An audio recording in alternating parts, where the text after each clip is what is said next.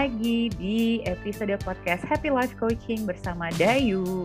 Episode kali ini spesial sekali karena uh, teman ngobrol aku tuh bukan aja karena ini kakak kelas waktu di sekolah dulu, tapi dia juga penyiar di radio favorit waktu aku tinggal di Pekanbaru dulu. Jadi radionya itu radio yang wah udah terkenal banget di Pekanbaru bahkan itu radio yang aku dengerin kalau berangkat sekolah, pulang sekolah, zaman les apa segala macam gitu ya.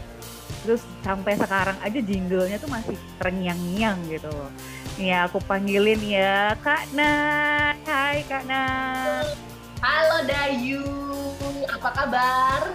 Apa kabar Kak? Aku alhamdulillah sehat-sehat. Kak Nat gimana? Coba menyapa uh, menyapa podcast uh, audiensnya podcast dengan sapaan khasnya Kak Nat gimana?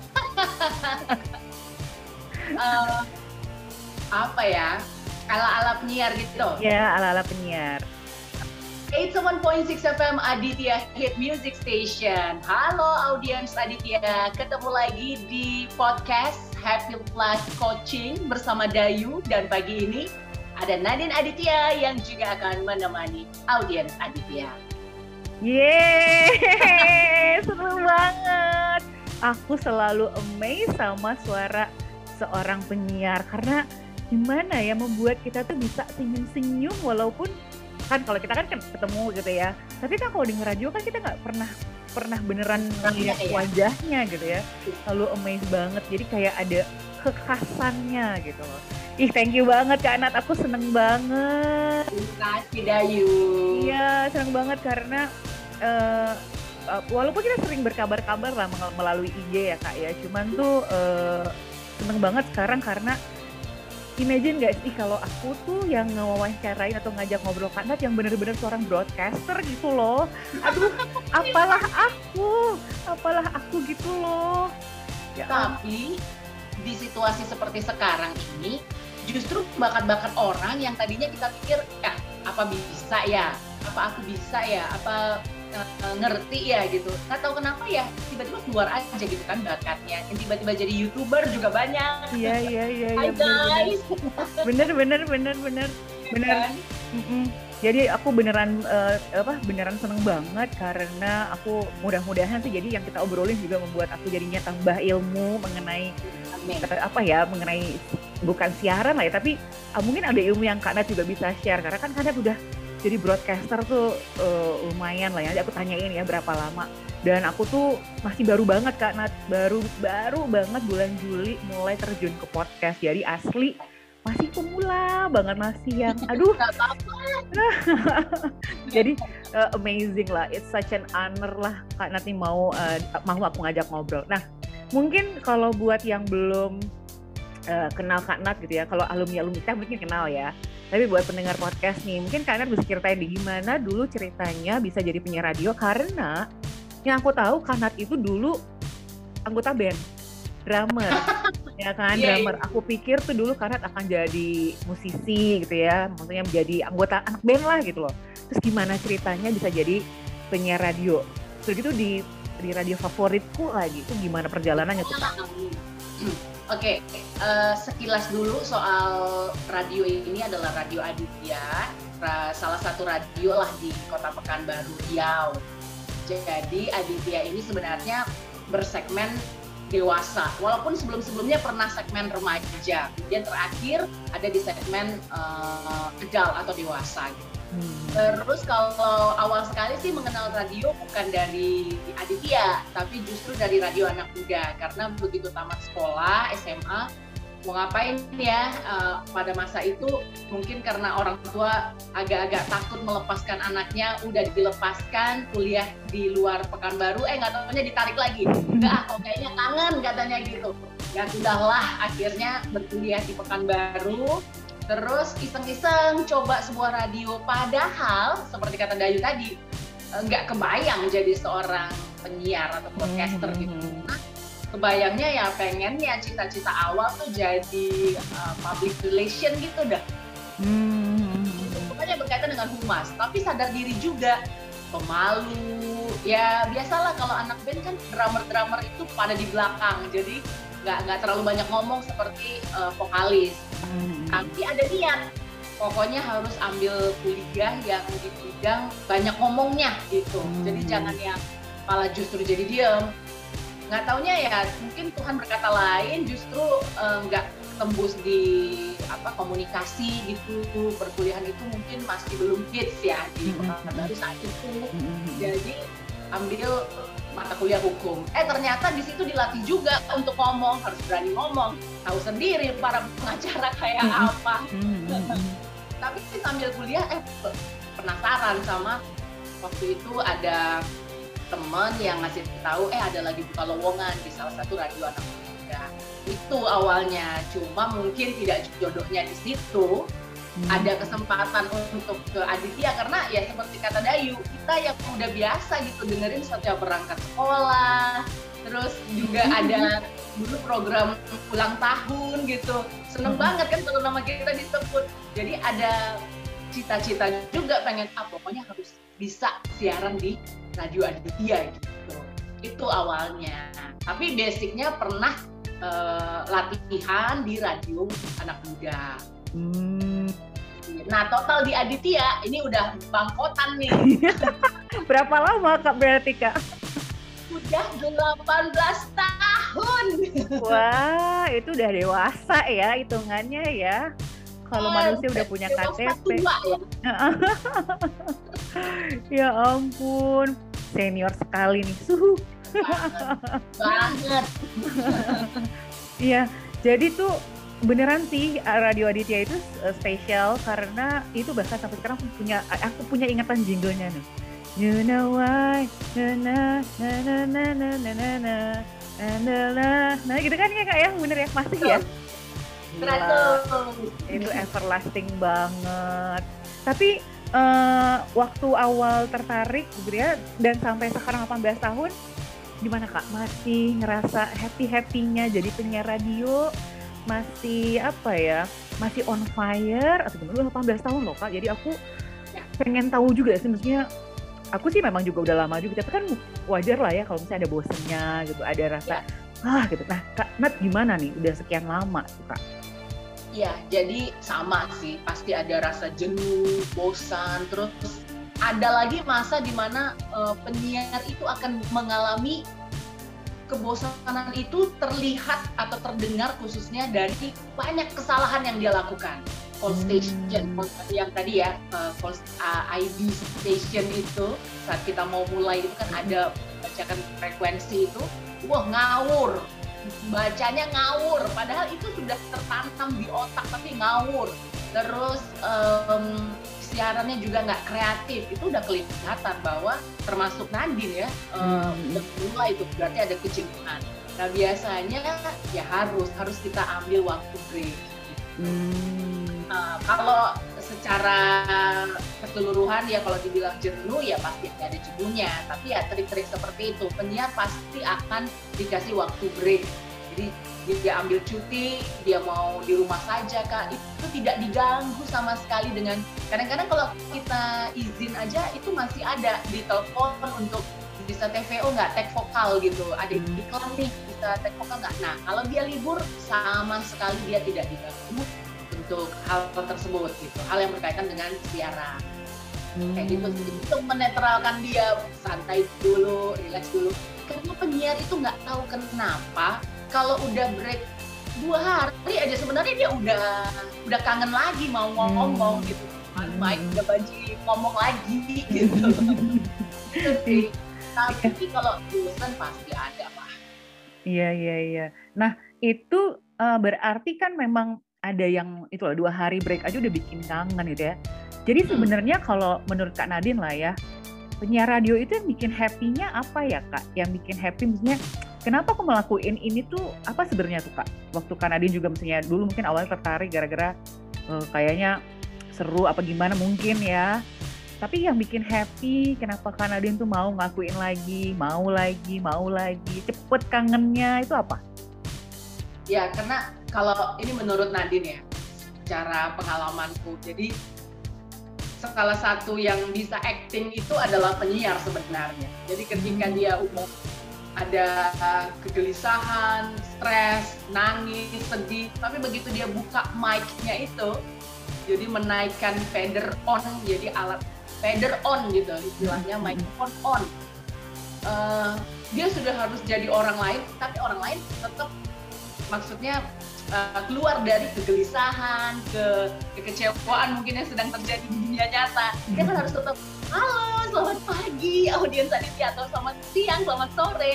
Tetap harus happy gitu, smile voice-nya harus keluar. Nah, itu mungkin yang membuat stress release ditambah muterin lagu masa kita muter lagu nggak seneng sih gitu kan hmm. uh, jadi itu yang membuat uh, happy lah gitu terus bekerja di di di lingkungan yang musik musik dan musik itu ya menyenangkan gitu Iya iya iya. Nah itu tuh tadi itu ya karena karena bilang smiling voice gitu. Ya. Jadi beneran ada ya bahwa ya. walaupun kita nggak nggak ngelihat orangnya tapi somehow bikin kita juga cekikikan kalau misalnya denger gitu ya, bikin kita yang senyum-senyum. Jadi memang ada tuh ya istilah smiling voice gitu ya.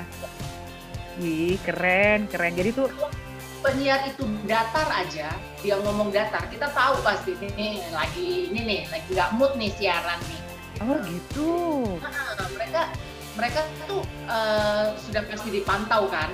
Setiap hmm. penyiar itu pasti ada yang memantau.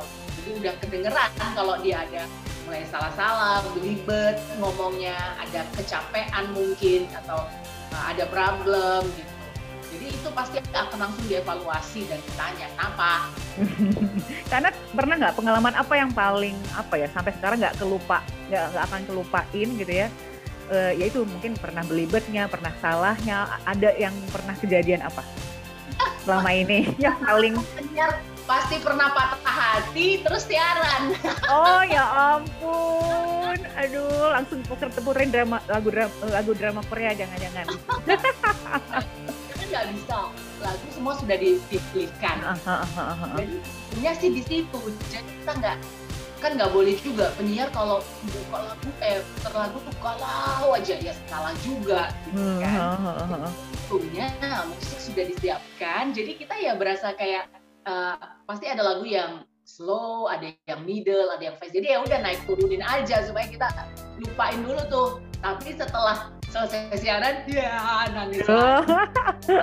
tapi pernah pernah salah ucap apa gimana? Waktu itu pernah salah ucap? Salah ucap belum pernah belum pernah oh. untungnya cuma agak belibet sedikit misalnya kayak uh, eh sahabat eh, eh gitu. Gitu. Gitu ya. Oh, oke. Okay. jadi nggak nggak nggak apa nggak seperti nggak ready gitu untuk ngomong di mulut juga kayak nggak kebuka gitu. Jadinya ya belibet Hmm, hmm, hmm, hmm, ya, jadi inilah ya uh, manusiawi lah ya kayaknya ya kak ya. nah ngomongin ini juga apa ngomongin uh, bahwa kita ketemu sekarang pun juga syukurnya ya syukurnya lah ya. Tapi memang kenyataannya begitu bahwa pandemi ini terjadi nih kak. Kita mau ngomongin tentang pandemi dan dampaknya ke orang-orang gitu ya. Kan sekarang semuanya nggak bisa langsung ke kantor. Aku aja udah tahun dari tahun lalu lah ya WFH gitu ya. Dan aku tuh kepo sih kak. Penyiar radio itu zamannya pandemi pas lagi ketat-ketatnya harus di rumah gitu ya itu tuh apa tuh perubahannya? Kakak, kakak tetap siaran di kantor atau gimana sih?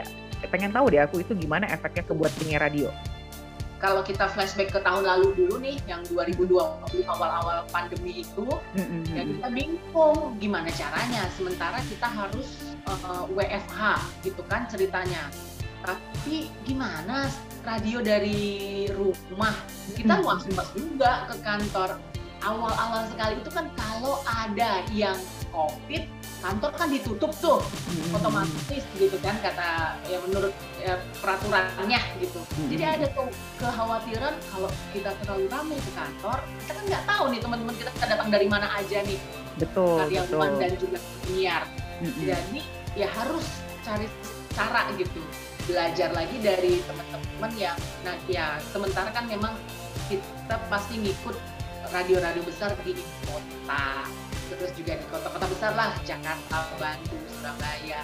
Kita lihat mereka, mereka bagaimana caranya dan kita ada komunikasi juga sih dengan um, ada komunitasnya gitu dengan mereka. Mm-hmm. Ya bertukar pikiran aja gimana caranya oh mereka di sana apalagi Jakarta kan ketat banget juga waktu awal-awal itu mm -hmm. uh, gitu ya pakai strategi kalau yang punya alat bagus di, dilengkapi gitu dengan alat-alat bagus ya mereka bisa dari rumah siarannya pakai alat tersebut tapi kalau tidak ya otomatis handphone itu udah paling intinya sederhananya atau ada juga satu orang standby di kantor, kita penyiar-penyiar di rumah, kita kirim bahan yang mau kita omongin ke kantor, kemudian orang kantor langsung mengolah dan disiarkan. Ada yang begitu. Dan kakak udah ngalami itu sekarang, maksudnya siarannya sekarang? Tiga-tiganya sudah dialami. Pakai alat bawa pulang pernah, terus uh, apa telepon juga pernah, tapi ya gitu. Kalau telepon ya delay pasti kan. Uh, sementara kalau konsep siarannya Nadine pagi-pagi itu kan berdua. Jadi kadang-kadang suka berantem di saudara gitu suaranya keluar dulu. aku gak kebayang gimana itu ceritanya ya. ya. Jadi ya banyak hal lah yang kita pelajari baru dengan pandemi ini. Mau bilang makasih sama pandemi juga iya gitu ya, tapi keselnya juga ada dibuat pinter sih sama dia nih. Iya benar benar benar. Nah itu apa kak kak, kak dan kak Nadine selama pandemi ini jadi kan orang pada bilang gitu sih kak. Uh, pandemi ini tuh ya nggak semuanya negatif gitu ya, ada positifnya. Nah, Kak Nadine sendiri tuh apa ngerasa pandemi ini membawa apa efek positifnya? Terus ya kalau negatifnya mungkin kita juga ngerasain ya kita bosan di rumah. Tapi kalau Kak Nadine sendiri secara personal apa sih yang Kak Nadine tadi bilang kita dibawa pinter apa tuh misalnya gimana?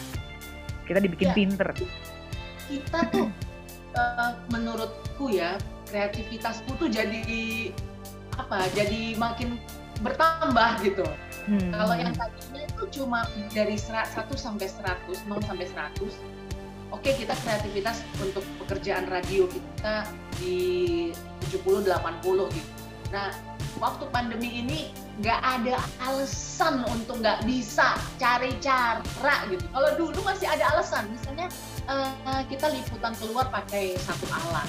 Alat hmm. ini ada kelemahannya dalam sistem jaringan. Hmm. Terus kita kita tinggal bilang aja ke kantor, aduh jaringannya jelek nih, kita pakai handphone aja ya. Padahal kita udah punya alat bagus, kenapa pakai handphone gitu?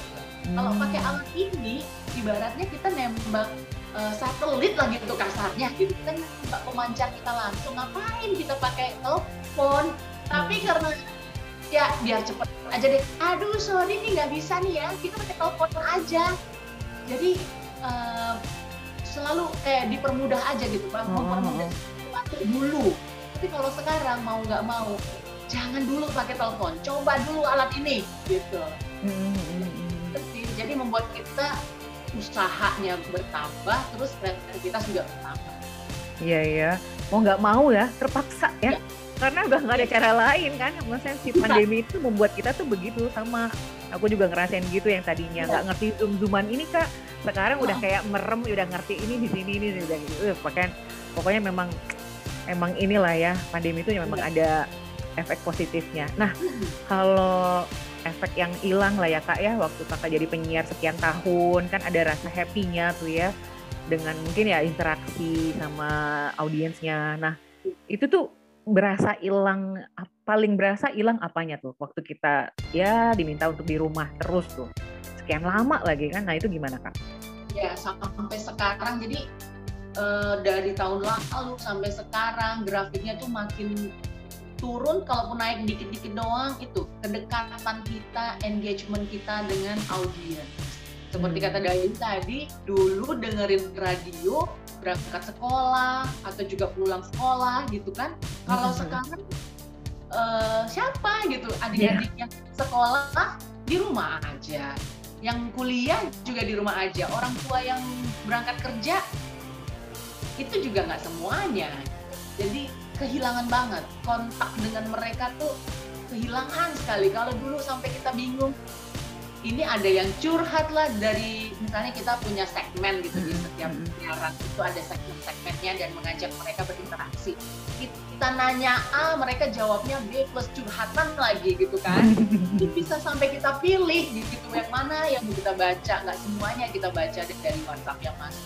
Nah kalau sekarang untuk dapat 10 sampai 15 WhatsApp feedback aja itu wah susah sekali. Susah Oh, banget gitu iya iya. karena iya. mungkin mereka eh, belum berangkat kerja waktu kita nanya membuka polling atau eh, ya mereka nggak nyalain radio Hmm, benar karena benar benar. di rumah nggak Iya. nggak ada aktivitas mobile itu Iya sih benar benar.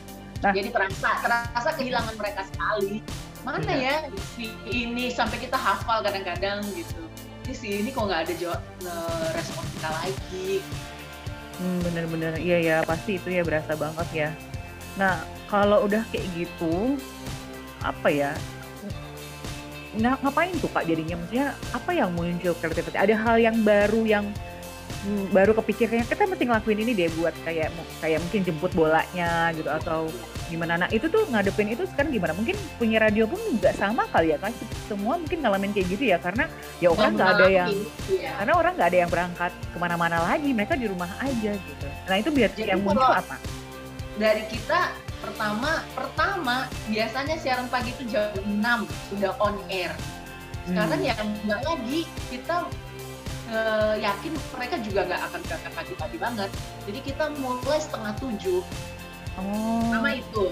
Iya jadi semua program kita mundurin setengah tujuh terus begitu setengah tujuh ya sekarang kita bermain lagi di segmen yang betul-betul apa nih yang membuat tertarik gitu ke Hmm. mereka Hmm. Heeh, kalau dulu kita cuma kasih lempar apa sebut misalnya nih misalnya nih recehnya kita sebutin nama buah huruf N misalnya gitu nah mereka respon kalau sekarang udah nggak bisa lagi kayak gitu apa yang lebih spesifik lagi yang lebih membuat mereka betul-betul tertarik untuk ngejawab gitu Hmm. tapi kalau sekarang nih PPKM yang sekarang nih kita betul-betul hapus sih eh, pertanyaan-pertanyaan karena semakin sedikit lagi yang ke kantor. Jadi lebih ke mm-mm, bermain musik. Jadi kayak sekarang yang lagi kita jalanin muter lagu 90-an. Hmm. 90-an itu pasti abadi banget lah.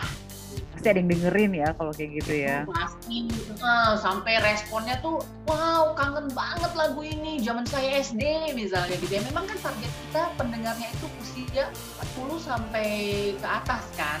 Hmm. Kalau umumnya baru 25 sampai 45. Tapi sekarang pun anak-anak sekarang umur 20-an itu juga tahunya lagu eh, lama kan, lagu-lagu lagu-lagu 90-an gitu. ya ya ya ya ya ya dan makasih juga ke aplikasi kayak uh, TikTok ya karena ada beberapa lagu lama yang mereka dengar terus mereka baru tahu oh ini ternyata lagu lama toh Oh, Kirain iya, iya, iya. benar benar benar benar benar Gitu. ya TikTok tuh bikin semuanya kayak jadi viral tuh orang-orang yang Iya. penggunanya jadinya pengen tahu ini lagu siapa gitu ya Nah. benar sih benar tapi ada juga problemnya pernah ada yang komplain nih ke kita misalnya itu uh, judul lagu waktu itu lagu yang dikomplain Imagine Dragons wah aku suka oh Imagine Nah, Dragons. jadi di di TikTok itu ada suara gagaknya Oh. salah satu lagu itu ada suara gagaknya. Nah, ada yang tanya ke Aditya, ih Aditya kok muter lagunya salah tuh, nggak ada gagaknya. Padahal memang nggak ada gagaknya, TikTok aja yang bikin ada gagak. mereka pikir mereka pikir aslinya ada gagaknya gitu ya. Nah, ya ampun. Aku suka aku suka tuh Imagine Dragons. Nah. bagus ya. Keren. aku suka. Aku itu band yang aku lagi suka lah belakangan ini. Nah kak kalau misalnya kan eh, zaman sekarang berarti ya kan kak Nadine jadi bilang bersyukurlah ada aplikasi TikTok gitu ya. Tapi kan eh, bicara mengenai eh, sekarang zamannya memang aplikasi terus radio juga bisa di streaming nah kalau Kak Nadine ngelihatnya gimana nih? Maksudnya persaingan, ya apakah ini benar persaingan antara radio beneran sama, ya katakanlah kan sekarang tuh orang tuh ya Kak ya, kalau jalan jalan pagi, jalan santai, lari pagi, mereka kan tuh pakai headset tapi Spotify dengerinnya gitu kan ya. Seperti podcast aku kan ada di Spotify, banyak ya. semoga banyak yang denger gitu ya. Nah itu menurut kakak gimana? Maka ap apakah nanti di masa depan itu si radio akan aku nggak ngerti lah ya, tapi gimana tuh memposisikannya gimana tuh kak?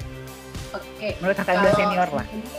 Iya digital ini kan uh, jadi kalau Aditya khususnya itu sudah sudah jadi agenda kita bahwa setiap tahun itu kita berangkat ke Jakarta untuk ketemu dengan teman-teman agensi gitu. Hmm, hmm, hmm, hmm.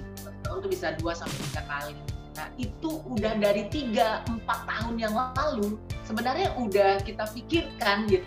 Digital hmm. ini akan sangat-sangat me, apa, menggerus kita gitu hmm. radio itu hmm. yang udah dibahas di forum-forum mana pun termasuk dulu tuh sebelum pandemi seperti ini yang kita khawatirkan itu secara digital kalau nonton sinetron uh, apa tuh kan ada tuh kadang-kadang billboard yang mereka tempel iklan padahal sebenarnya itu tidak ada di dalam sinetron itu hmm. kalau ya ya ya ya betul betul jadi misalnya uh, apa pemainnya jalan di di depan satu billboard billboardnya tuh diganti dengan iklan yang sekarang. Misalnya produk-produk apa gitu mie instan kah mm-hmm. uh, crackersnya gitu.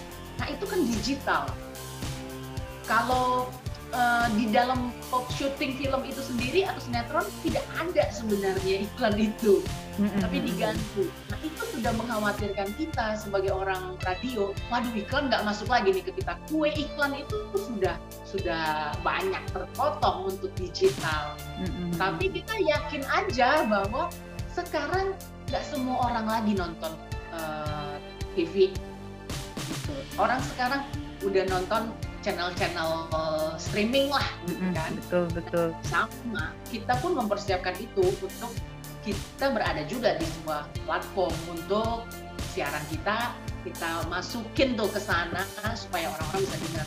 Nah sementara ini kalau kita sih di Aditnya memang baru di YouTube dan juga uh, Facebook khususnya. Facebook pun hmm. belum belum begitu rame, tapi di YouTube nih. Jadi siaran-siaran kita yang potongan-potongannya masuk aja dulu ke YouTube. Hmm. Dan kita yakin juga bahwa audiens itu masih butuh kok obrolan penyiar masih senang gitu dengan obrolan penyiar gitu. khususnya yang penyiar pagi dan sore hari ya kalau yang jam prime time itu yang konsepnya berdua penyiar mm -hmm.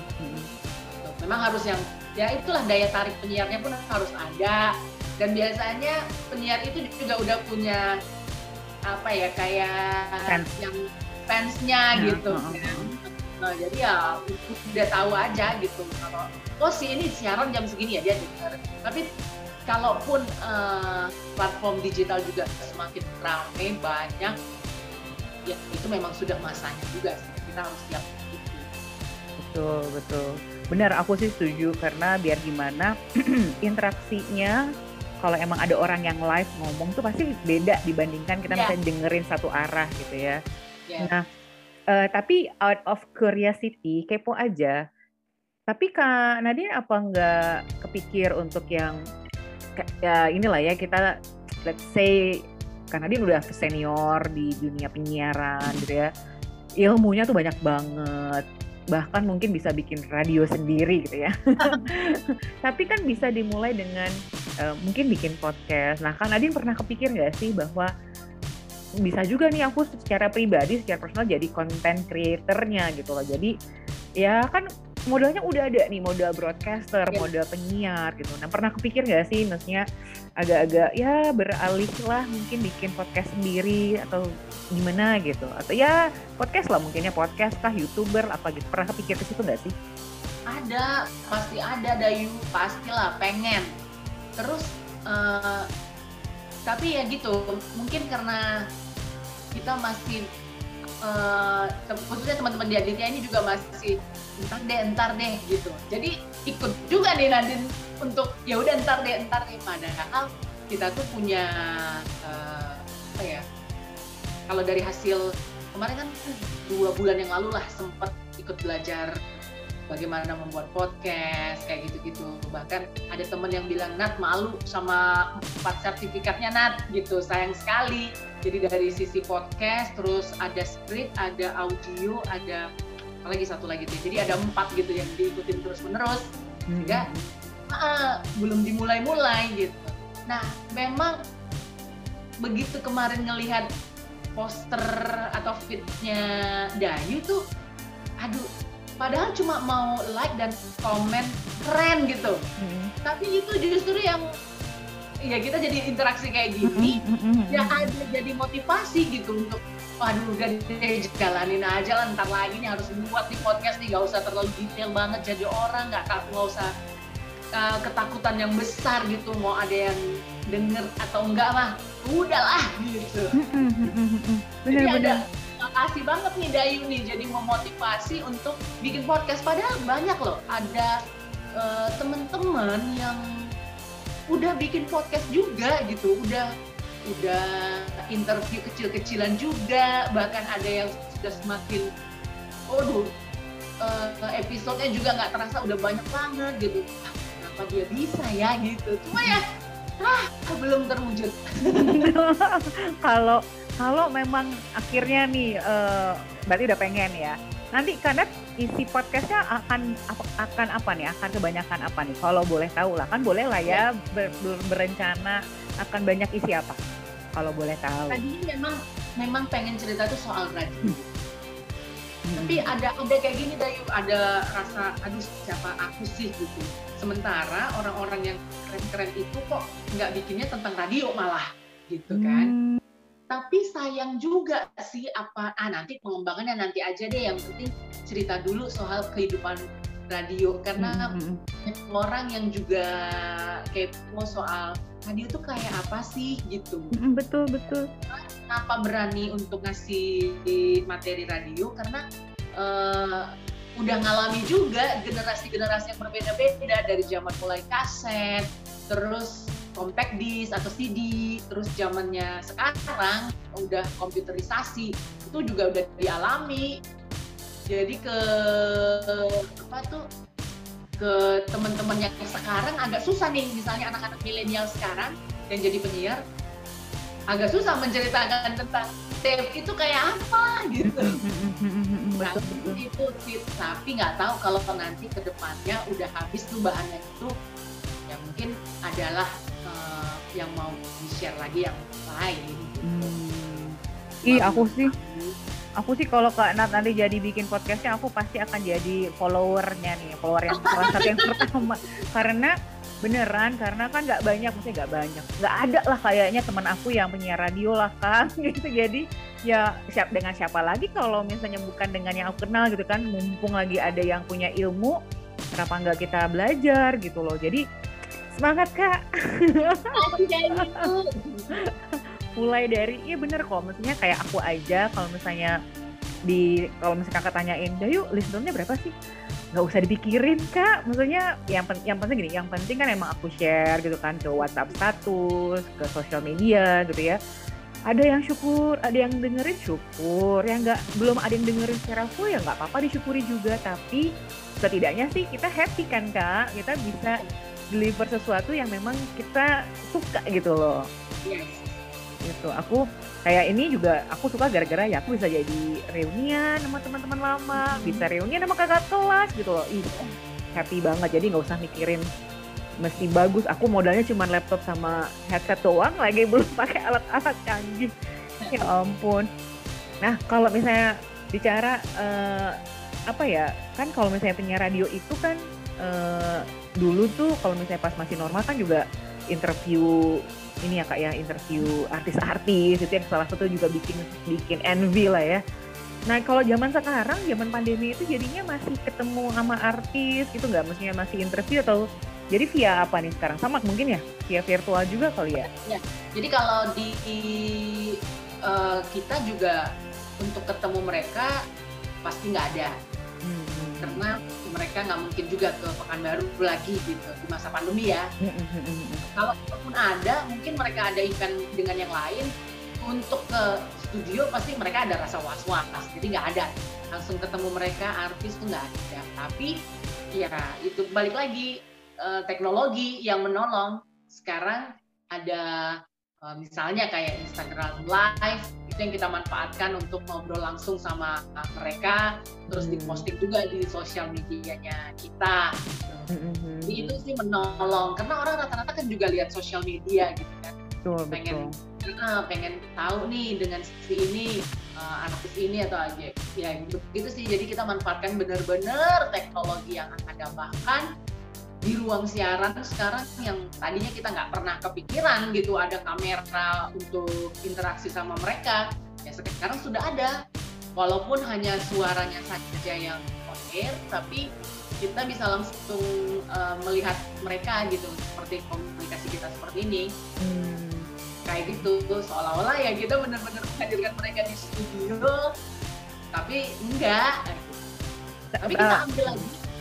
Kita ambil lagi uh, hasil uh, apa namanya kayak gini uh, di, di shoot lagi sama orang digital kita untuk di on live di IG-nya kita gitu. Oke. Okay. Iya, dia ya pasti memang ya siapa lah. Ya, maksudnya zaman sekarang, maksudnya orang juga travel juga udah mulai ya banyak lah ya efeknya ya banyak nggak bisa nggak bisa show ya nggak mungkin juga datang gitu ya. Tapi kalau misalnya dari perjalanan Kak Nat di radio gitu ya, uh, banyak artis kan yang sudah diwawancara gitu ya.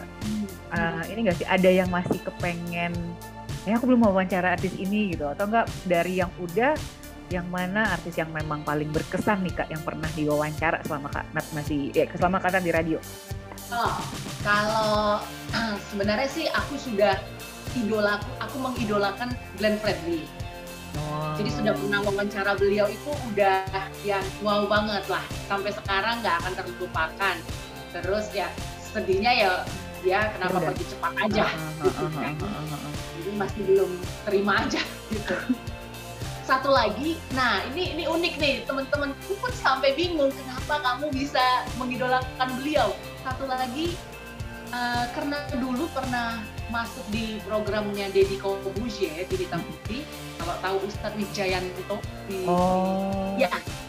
Itu aku sangat suka sama beliau itu. Dan ternyata begitu dia datang ke Pekanbaru dan Aditya berkesempatan untuk wawancara beliau aku langsung mengajukan diri. Boleh nggak saya yang wawancara? Oh. Dan beliau tuh kaget waktu uh, Ustadz saya nggak akan ngobrol soal uh, religi ya berkaitan dengan agama. Oh nggak apa-apa nggak apa-apa. Dedi juga suka kayak gitu kok katanya gitu. Jadi ya benar-benar beliau aja yang uh, ngasih lah. Materi-materi terus ini cuma tanya-tanya biasa aja ke beliau Hmm. Tapi itu itu dua orang yang sangat membekas uh, di interview. Jadi nggak ada lagi kalau ditanya siapa lagi yang mau dicita-citakan? Nggak ada udah itu aja udah cukup. Beneran? Soalnya kan sekarang oh nggak tahu juga ya. Iya bener juga kali ya mungkin karena ya sekarang kan banyak artis-artis muda gitu loh kak. Kali aja. Kalau sebagai penyiar itu kan memang ya sehari-hari berhubungan maksudnya berinteraksi sama lagu-lagu. Nah itu tuh kudu nggak sih harus mengetahui lagu yang tren zaman sekarang, yang lagi hype zaman sekarang? Karena sejujurnya buat atau ya aku bagi aku tuh kayaknya masih aja loh lagu-lagu zaman dulu tuh lebih lebih ya. bagus daripada zaman sekarang. Maksudnya itu tapi keharusan nggak sih? Harus tahu. Terus ada yang disuka nggak lagu-lagu zaman sekarang kak? kalau zaman sekarang ya. Nggak bingung kalau sekarang nih kalau dulu penyiar wajib. Artinya wajib itu paling tidak dia harus menghafal 10 lagu uh, chartnya kita di radio hmm. karena rata-rata sih semua radio hampir sama lah di masa itu hmm. kalau kita flashback ke tahun 2004 2008 gitu ya itu masih masih jelas lah gitu eh, uh, 10 lagu itu apa-apa aja sih yang didengerin di radio-radio seluruh Indonesia.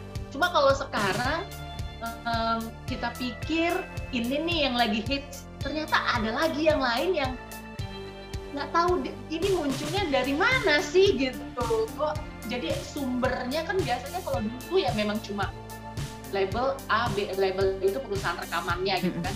Paling lima atau enam. Nah kalau sekarang tuh banyak banget, banyak banget itu juga nggak jelas ini ini perusahaan mana sih gitu. Jadi uh, terus sekarang mereka kan tidak mengeluarkan album ya lebih banyak single saja.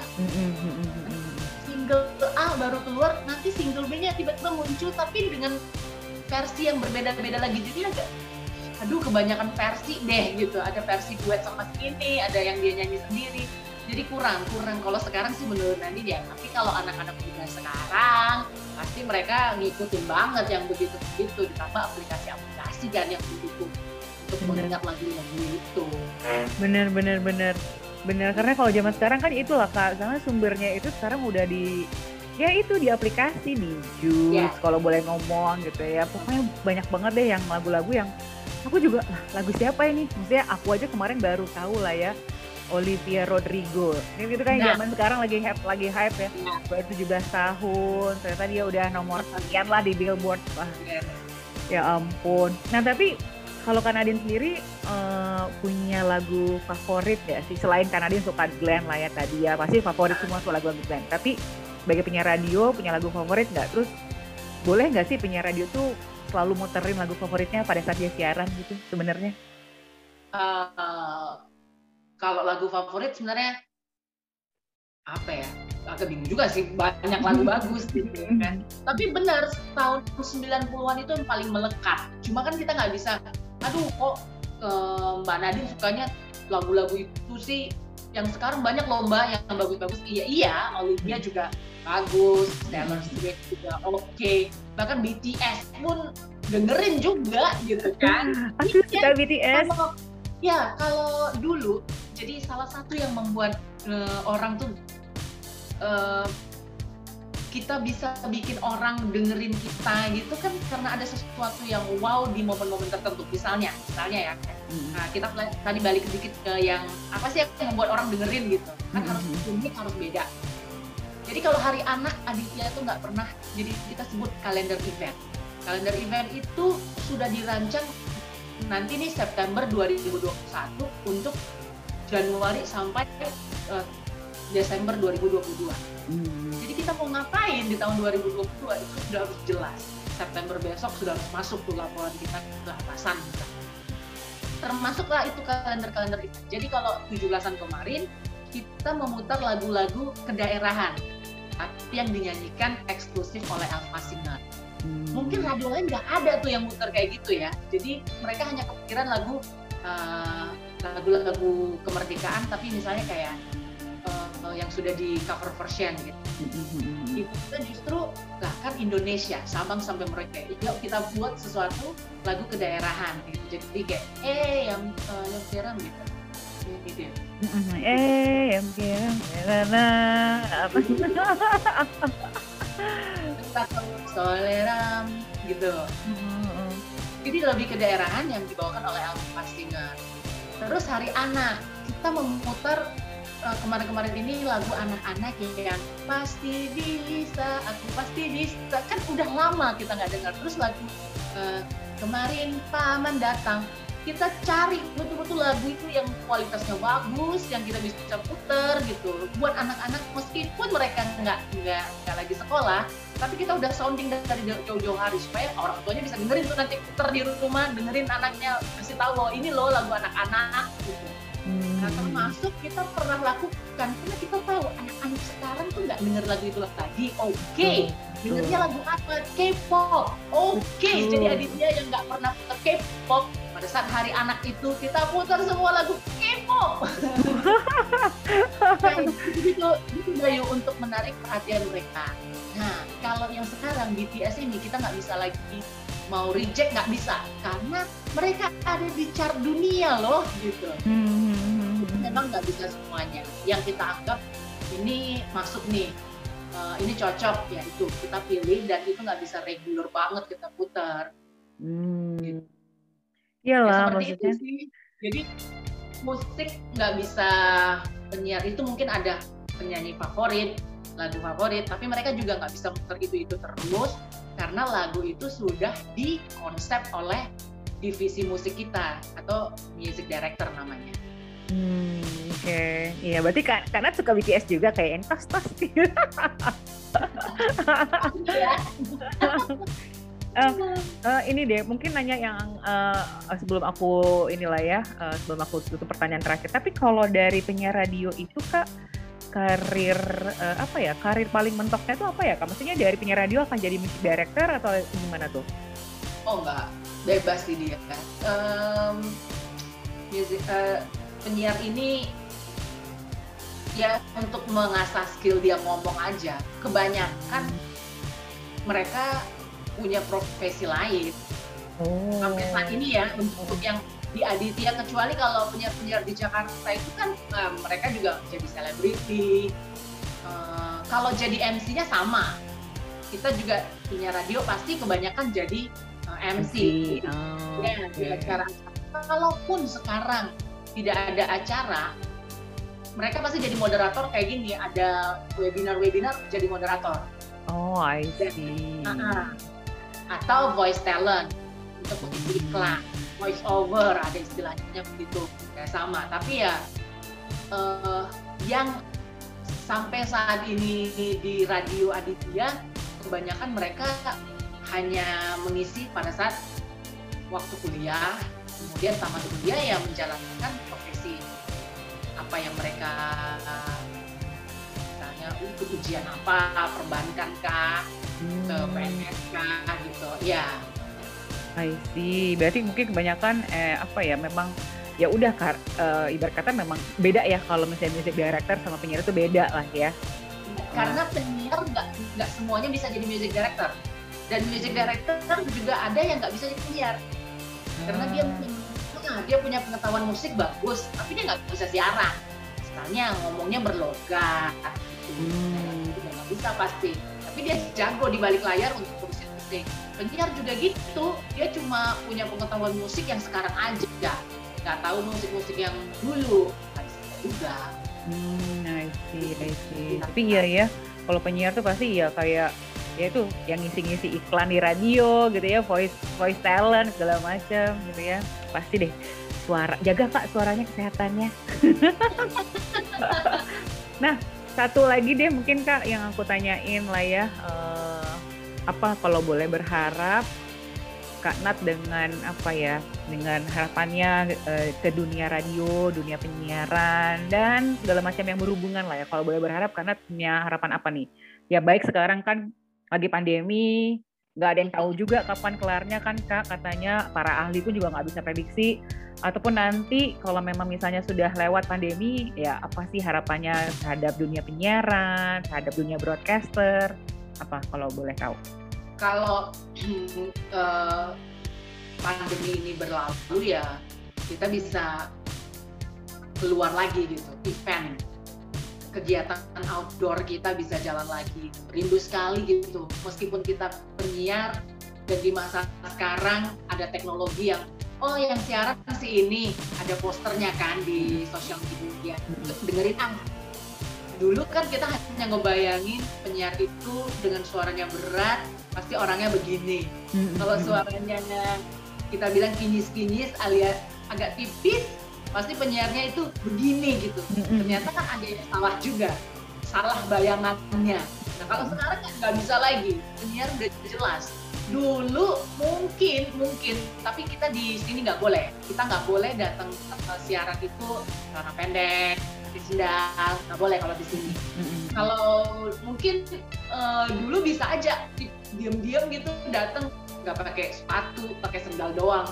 Nah kalau sekarang kan enggak setiap pagi ada sesi foto misalnya yang mendadak atau hmm. kayak dulu nggak makeup aja bodo amat.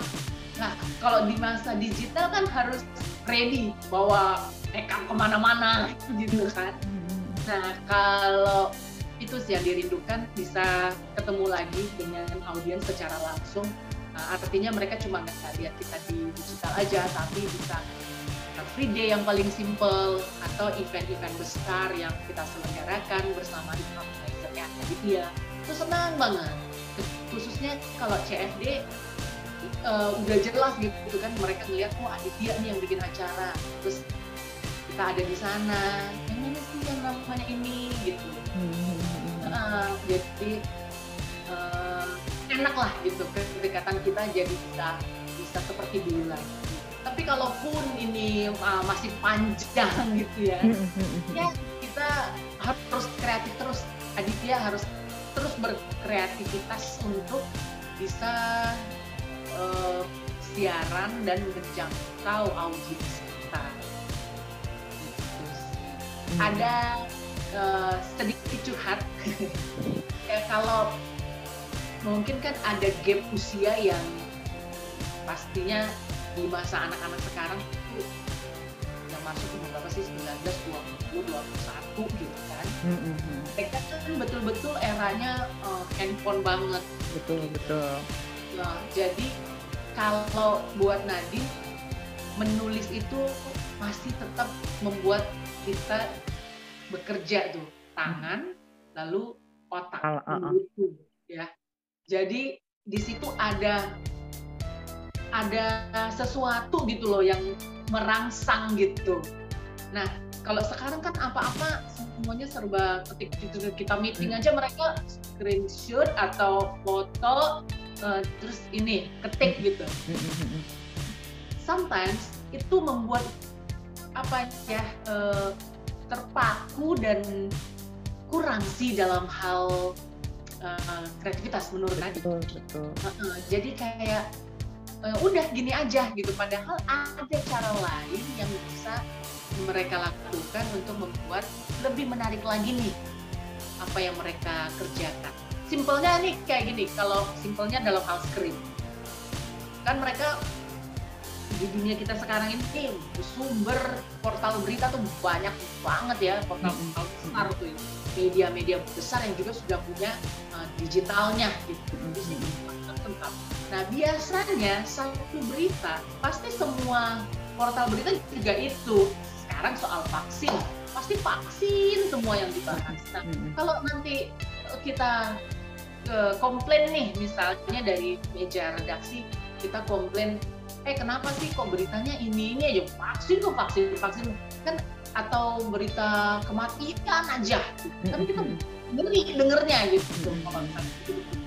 Nah kita uh, sama-sama belajar supaya bagaimana berita itu tetap intinya kita sampaikan tapi kita harus awali dulu dengan uh, apa gitu yang tidak langsung membuat orang was-was. Betul dengan betul.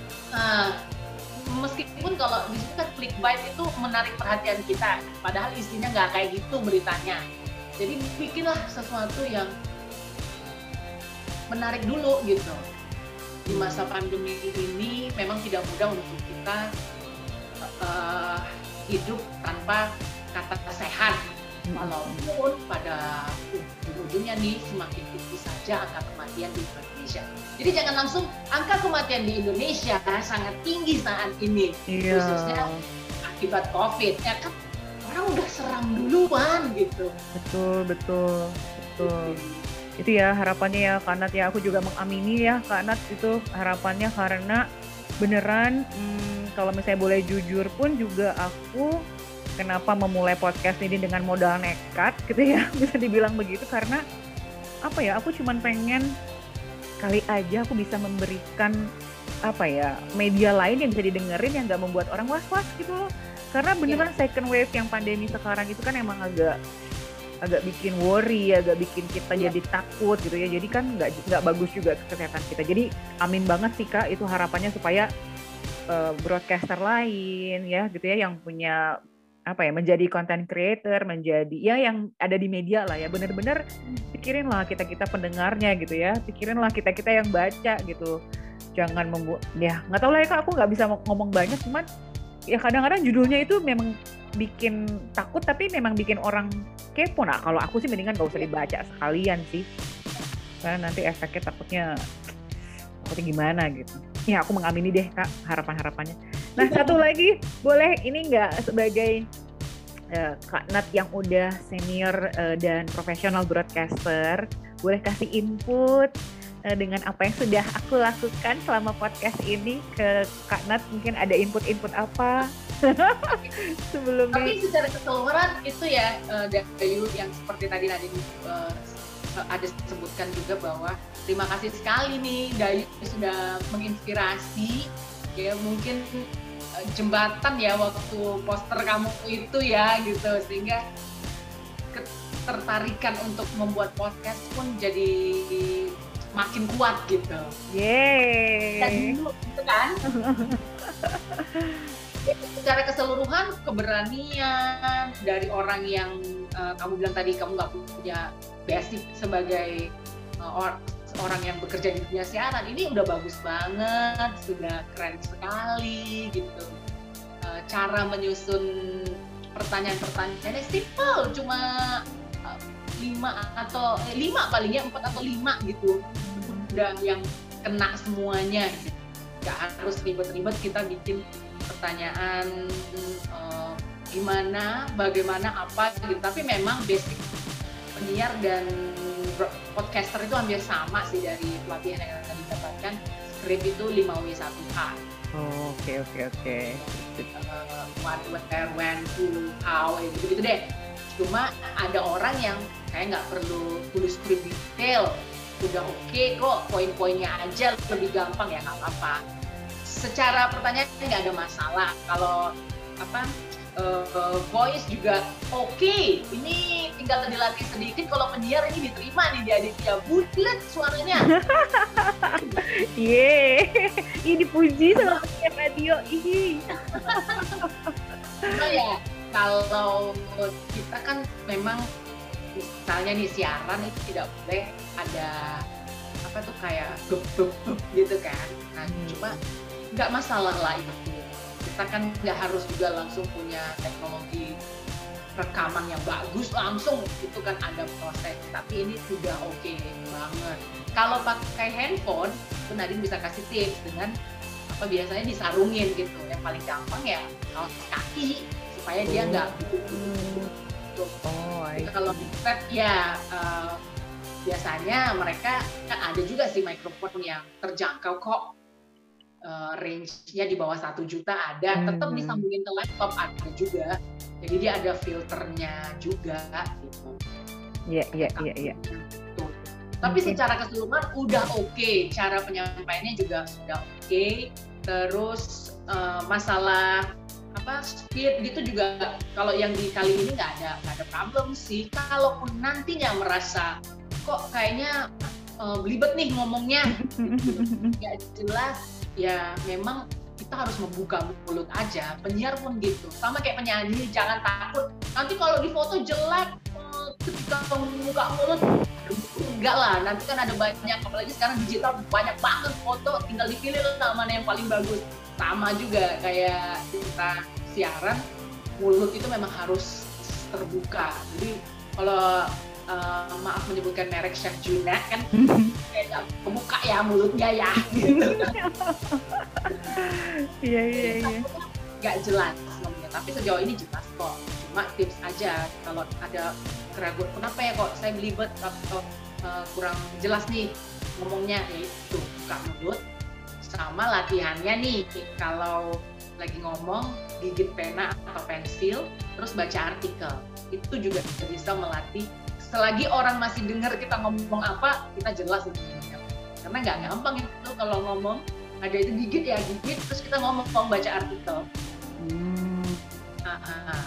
I see yes ya yeah. Ih keren banget. Ini kayak aku dapat kelas apa ya? Dapat kelas uh, free lah ya dari seseorang yang bener-bener penyiar radio profesional, broadcaster profesional. Beneran deh kak, kalau aku boleh berharap buat Kak Nadine adalah segerakanlah podcastnya. Ya. Amin. segerakan podcastnya pasti banyak yang akan apa akan ngerasa uh, bermanfaat banget ilmunya karena ada kemarin yang bilang gitu ya uh, mungkin di zaman sekarang itu ya ada ya masanya pula orang-orang yang suaranya tuh yang memang berkreativitas via suara tuh saat yang sekarang pula ini uh, waktu apa ya masaknya berdaya gitu. Kak Nadine kayaknya yang bilang. Jadi aku thank you banget Kak Nadine karena kak, kakak udah uh, bersedia aku tanya-tanya. Ini ilmu banget semuanya.